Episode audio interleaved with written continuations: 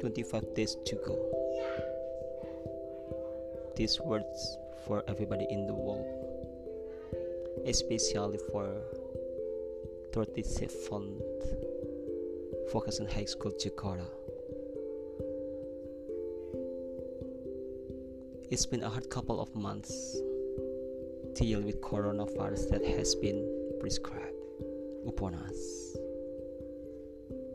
Mournings, tears, denials, hopes are all past. With all of this rush, you almost forget that holy month Ramadan is about to come.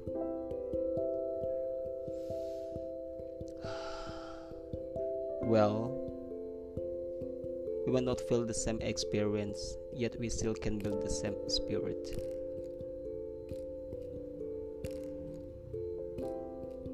The plan may not please our hearts, but the faith knows its role. It's 25 days to go. Are you set?